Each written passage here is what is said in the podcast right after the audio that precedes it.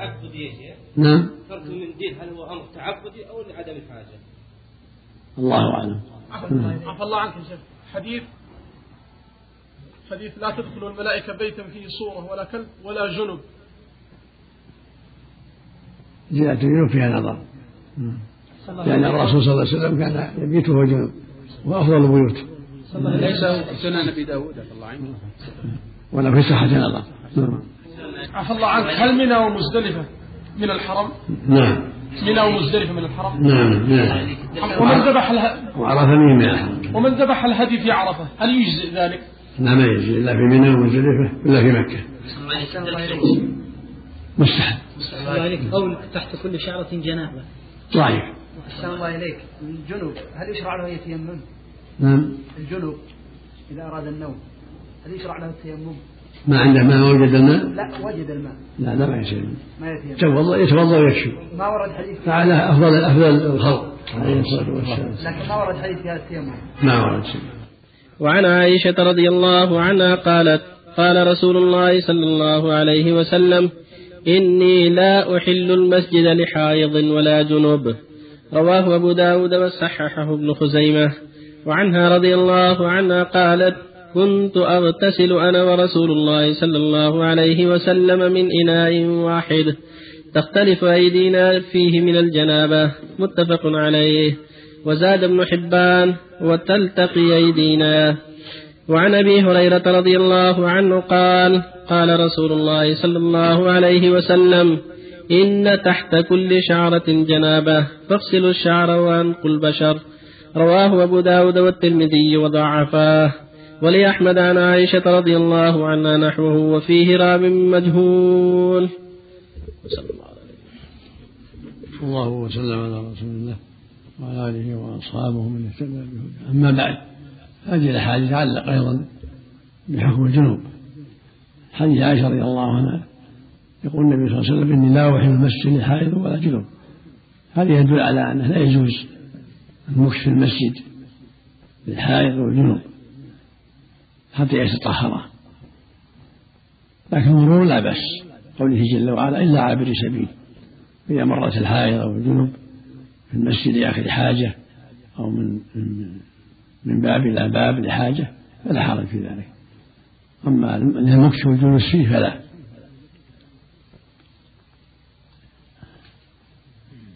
الحديث الثاني إيش؟ كذلك كانت تغتسل مع الرسول صلى الله عليه وسلم من إناء واحد. تختلف أيديهم في الجنابة وتلتقي. هذا يدل على جواز وصل الرجل مع أهله. لأن عورته وعورتها مباح لكل منهما أن ينظر إلى الآخر. كل واحد لا بأس ينظر إلى عورة صاحبه. كما جاز الجماع فالنظر للعورة من باب أولى وأسهل. فدل ذلك على جواز أن ينظر إليها وتنظر إليه وأن تغتسل معه عارية فلا حرج في ذلك. لأنها زوجته قد الله أباح الله له النظر إليها وجماعها فجاز الغسل معها. والحديث الثالث يدل على وجوب العناية بالغسل وغسل الشعر والعناية به. إن تحت كل شعر جنابه وإن كان له الحديث ضعيفة لكن تقدم أنه صلى الله عليه وسلم يعتني برأسه وكان يكثر أصابعه في أصول الشعر كان ينفذ الماء ثلاث مرات فالواجب فالواجب على المؤمن أن يعتني بشعره وأن يدخل أصابعه في شعره وينفذ الماء عليه الماء حتى يظن أنه قد رواه روى بشرته ويكفي في هذا الظن يكفي في هذا والحمد لله. ثم يعم بدنه بالماء. والأفضل أن يستنجي أول كما تقدم ثم يتوضأ وضوء الصلاة ثم ينفذ الماء على رأسه ثلاث مرات ثم على شقه الأيمن ثم الأيسر. هذا هو الأفضل. ثم يغسل عليهم رجليه مرة أخرى. هذا هو الكمال والمهم يبلغ الماء. فإذا عم بدنه بالماء كفى. أما الرأس فمثل أصابعه في وسط الشعر يروي شعره مثل ما تقدم في قصة أم سلمة. إني أشد شعرا. أفأنقضه غسلته قال إنما يكفي أن تحتي ثلاث هذا. إذا كان مشدود كفى المرأة أن تحتي عليه. وإذا كان مطلق أدخلت أصابعها في في أصوله للتروية. والرجل كذلك. حتى يظن أنه قد روى بشرته وفق الله النقب الله عنك.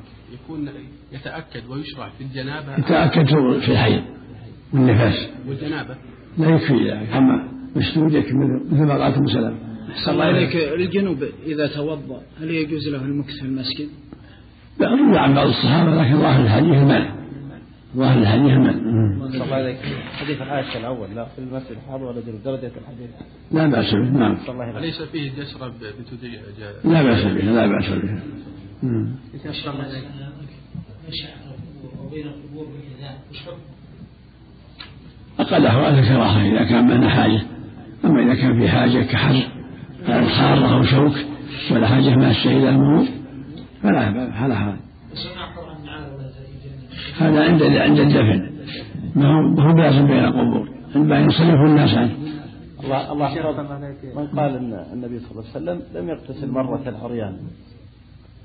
ما ما عنده خبر. إيه نعم. هذا قول على الله ولا العلم صلى الله عليه وسلم. أحسن الله إليك. الغسل ورد عن الرسول صلى الله عليه وسلم صفتين. في صفة الغسل أحسن الله إليك.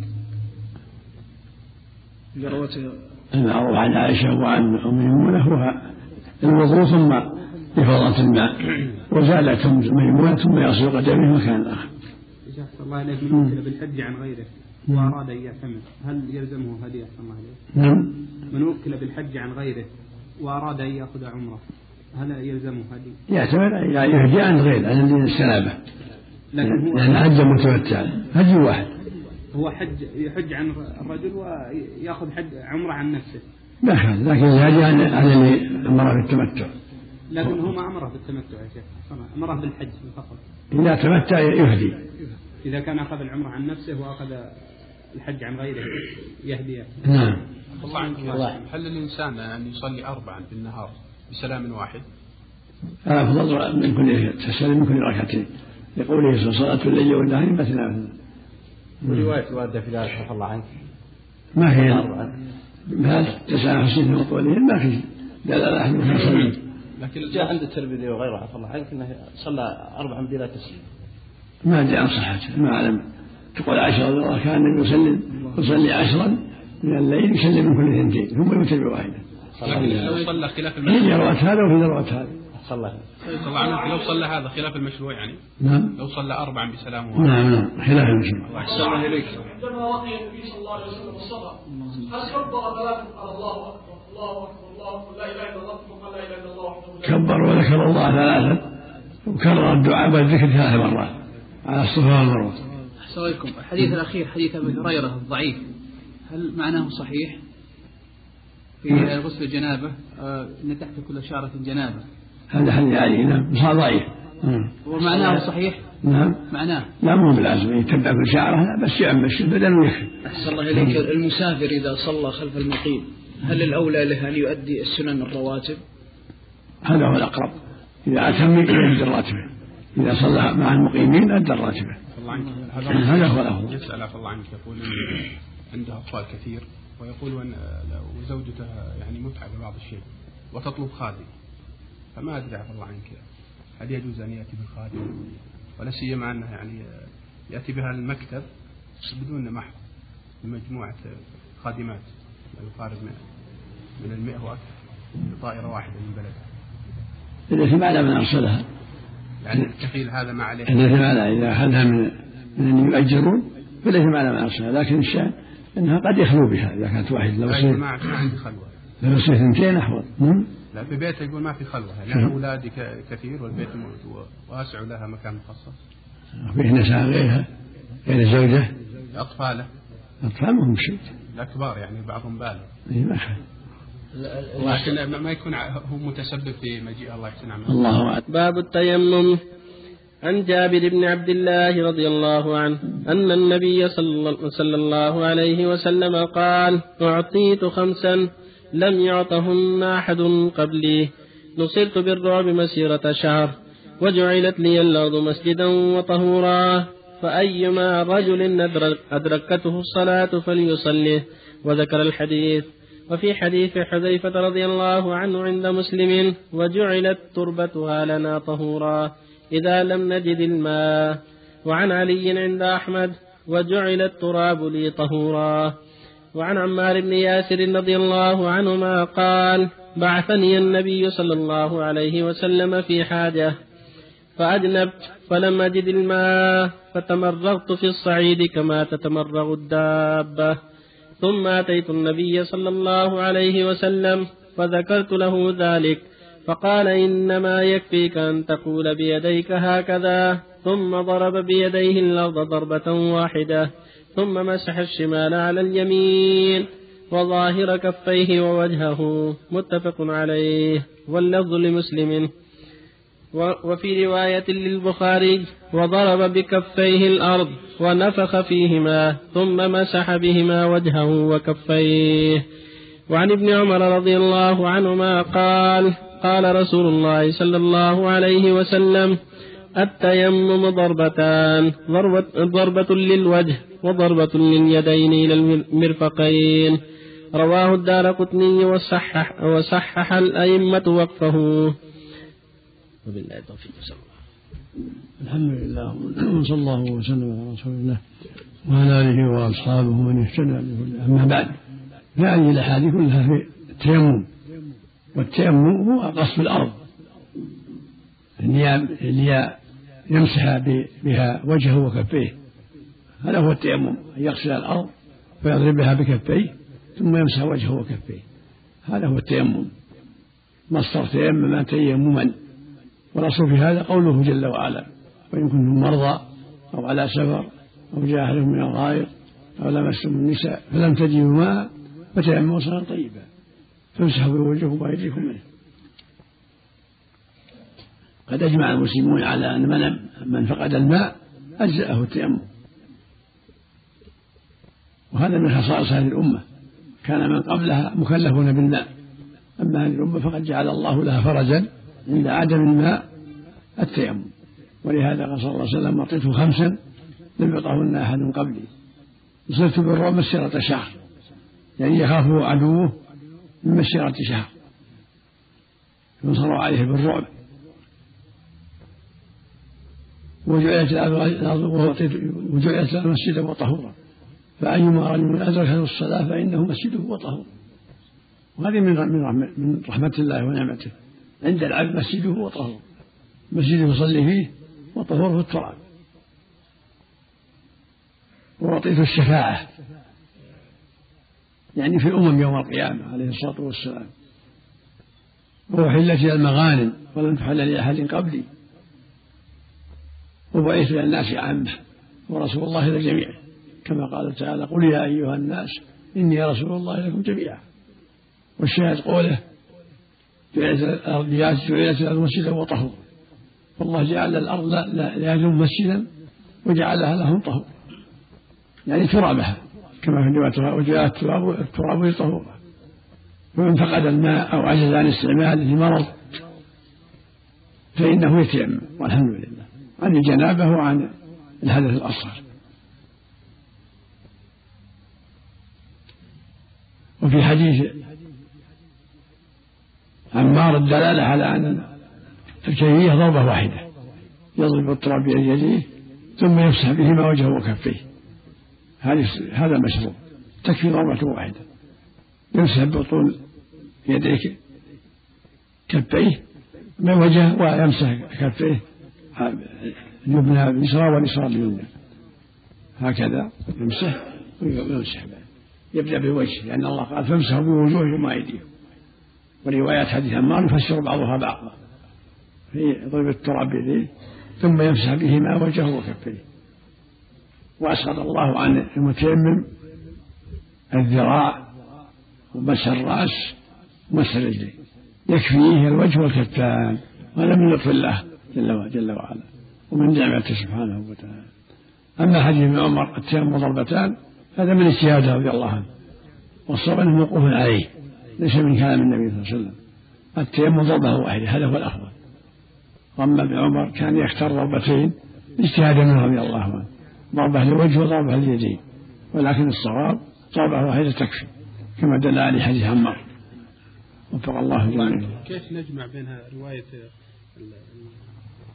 عمار والرواية الأخرى؟ الأولى قدم اليدين والرواية الأخرى قدم هذا متصرف الرواة.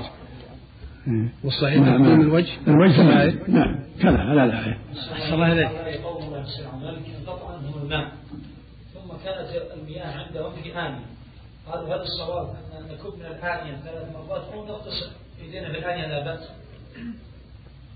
يصب من الآن في, في, في الأواني الصغار حتى يصب يصب من كف بالكف يعني من الآنية الآن الكبار في الأ- في الأواني الصغار.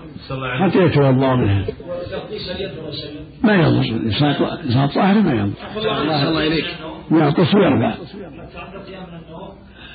إذا ما استطاع هو إن استطاع لابد يغسلها خارج الإناء أما إذا لم يستطع لأن الإناء كبير ولا عنده مغراف ولا عنده شيء يأخذ بأطراف يديه ويغسل كفيه.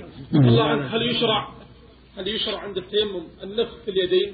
إذا إذا كان هناك تراب زايد ينفخ كما نفخ النبي كما نفخ النبي صلى الله عليه وسلم. وإذا لم يكن عفى الله عنك نعم. وإذا لم يكن. ما ما يحتاج نفخ. أحسن الله إليك. التيمم على الأرض الرطبة أحسن الله إليك. يزيل الرطوبة ويسمى بعده. لا بد تراب. إذا كان تراب يكفي. أذكار التيمم أحسن الله تكون هي أذكار الوضوء ها؟ أذكار التيمم هي أذكار الوضوء نعم. ويسمي عند التيمم ويشهد بعد الفراغ الترتيب بين الوجه واليدين هذا الواجب نعم. الوجوب نعم. الله يا شيخ. المريض يجاب له تراب في المستشفى؟ نعم. نعم إجابة التراب حتى لو كان عنده الماء؟ نعم. حتى لو كان عنده الماء. كان ما يستطيع يستعمل ثم إذا استطاع يلزمه الماء شيخ الله يهديك. لو كان في أرض مبلطة أو حجرية يكفيه أن يضرب عليها. لا يخرج الأرض ولا يت- يوجد له تراب. ولا يخرج الأرض اللي فيها تراب الستائر إذا كان عليه غبار ولا أقول وسائد وشراشف إذا صار عليها تراب أو الستائر. يجزي إذا كان تراب الحقيقي؟ غبار غبار. إذا كان تراب الحقيقي ولا يحتاط دينه ويخرج إذا يجيب, يجيب تراب ولا يخرج الأرض يتيمم فيها ولا يطلب التراب يجاب له ويتيمم منه. حتى لكن والله الغبار ما ما له اعتبار. لا، قد يكون غبارا مهم بتراب. قد يكون مسألة الاجتهاد في حياة النبي صلى الله عليه وسلم كما فعل عمار. رضي الله عنه. مسألة الاجتهاد في حياة النبي صلى الله عليه وسلم. ما عليها اجتهاد ما عليها. لا بد رجع النبي صلى الله عليه وسلم. ولهذا رجع النبي صلى الله عليه وسلم. يا شيخ فامسحوا بوجوهكم وأيديكم من أي من الغبار؟ من التراب. من الصعيد يعني. لا بد أن يكون غبارا تيمموا صعيدا طيبا. إذا تيسر إلا إذا ما إذا كان في أرض رملية أو ما فيها يتيمم منها. فاتقوا الله ما استطعتم. الصواب في التيمم أحسن الله إليك. رافع الحدث. نعم هذا الصواب. كلا كلا. بارك الله فيكم. تشبيك الأصابع وأثناء الطواف نعم. تشبيك الأصابع أثناء الطواف شبك صوابع يديه وهو يطوف ترك لعل ترك أحسن كالصلاة لعل ترك أنا ما ما بلغني في شيء هذا يقول لو لو كنت تفرج الأصابع أثناء الضرب؟ نعم. أن تكون م- مفرجة الأصابع أثناء الضرب؟ ما هو بالعزم مفرد هو بالعزم. شيخ الله يهديك مفردة ولا ولا مضمومة كل واحد. هذا يقول لو كنت حاجا وكانت وكان الوقت باردا هل التف البطانيه والتحف بها؟ نعم. تلتحي بها. لا لكن لا تلبس قميص ولا ولا ولا سراويل ها؟ يغطي رأسه؟ لا لا يغطي رأسه. وال- والبشت عفى الله عنك. إذا طرحها إذا طرح مو بلبس سم؟ إذا طرحها ولا طرحها مو بلبس ما يجوز. الرسول قال لا تخمر رأسه ولا وجهه. يبدأ باليمنى ثم اليسرى. يبدأ بالجملة ثم اليسرى عفى الله عنك من قال مثل الاذنين ال- الأفضل يبدأ بالجملة ثم اليسرى. حاج حاج بارك الله فيك. طاف طواف الوداع. وسعى سعي الحج بعد الوداع. فهل يجوز له ذلك؟ يجزي إن شاء الله. لأنها تبع طواف السعيد تبع تبع الطواف يقول الشارح هنا أحسن الله عملك. وجعلت تربتها طهورا أخرجه مسلم فلا دليل فيه على اشتراط التراب. التربة التربة. قد يكون في تربة الأرض. شاء الله جل وجل عنده 17 سنه إيه. يقول الله يسلمك أبي الحج ولكن هل يجب علي الحج لأنه محتاج إلى سيارة أشتريها بخدمة والد والدتي. هل أنا والدي ميت؟ يقول هل يجب علي الحج أم لم يجب حتى الآن؟ هو عنده مال يلزمه الحج كان يستطيع الحج ولو بالاستئجار ما يلزم يشتري سيارة. إذا كان يستطيع الحج يلزمه الحج ولو بالاستئجار مو شرط أن يشتري سيارة يعيش فيها. إذا رجع من الحج يختم الإنسان وعن أبي هريرة رضي الله عنه قال قال رسول الله صلى الله عليه وسلم الصعيد وضوء المسلم وإن لم يجد الماء عشر سنين. فإذا وجد الماء فليتق الله وليمسه بش- بشرته. رواه البزار وصححه ابن القطان. لكن صوب الدار قطني إرساله وللترمذي عن أبي ذر نحوه وصححه. وعن أبي سعيد الخدري رضي الله عنه قال خرج رجلان في سفر وحضرت الصلاة وليس معهما ماء فتيمما صعيدا طيبا فصليا ثم وجد الماء في الوقت فأعاد أحد أحدهما الصلاة والوضوء ولم يعد الآخر ثم أتيا رسول الله صلى الله عليه وسلم فذكر ذلك له فقال للذي لم يعد أصبت السنة وأجزأت صلاتك. وقال للآخر لك الأجر مرتين. رواه أبو داود والنسائي. وعن ابن عباس رضي الله عنهما في قوله عز وجل وإن كنتم مرضى أو على سفر قال إذا كانت بالرجل الجراحة في سبيل الله والقروح ويجنب فيخاف أن يموت إن اغتسل تيمم. رواه الدار قطني موقوفا. ورفعه البزار وصححه ابن خزيمة والحاكم. وعن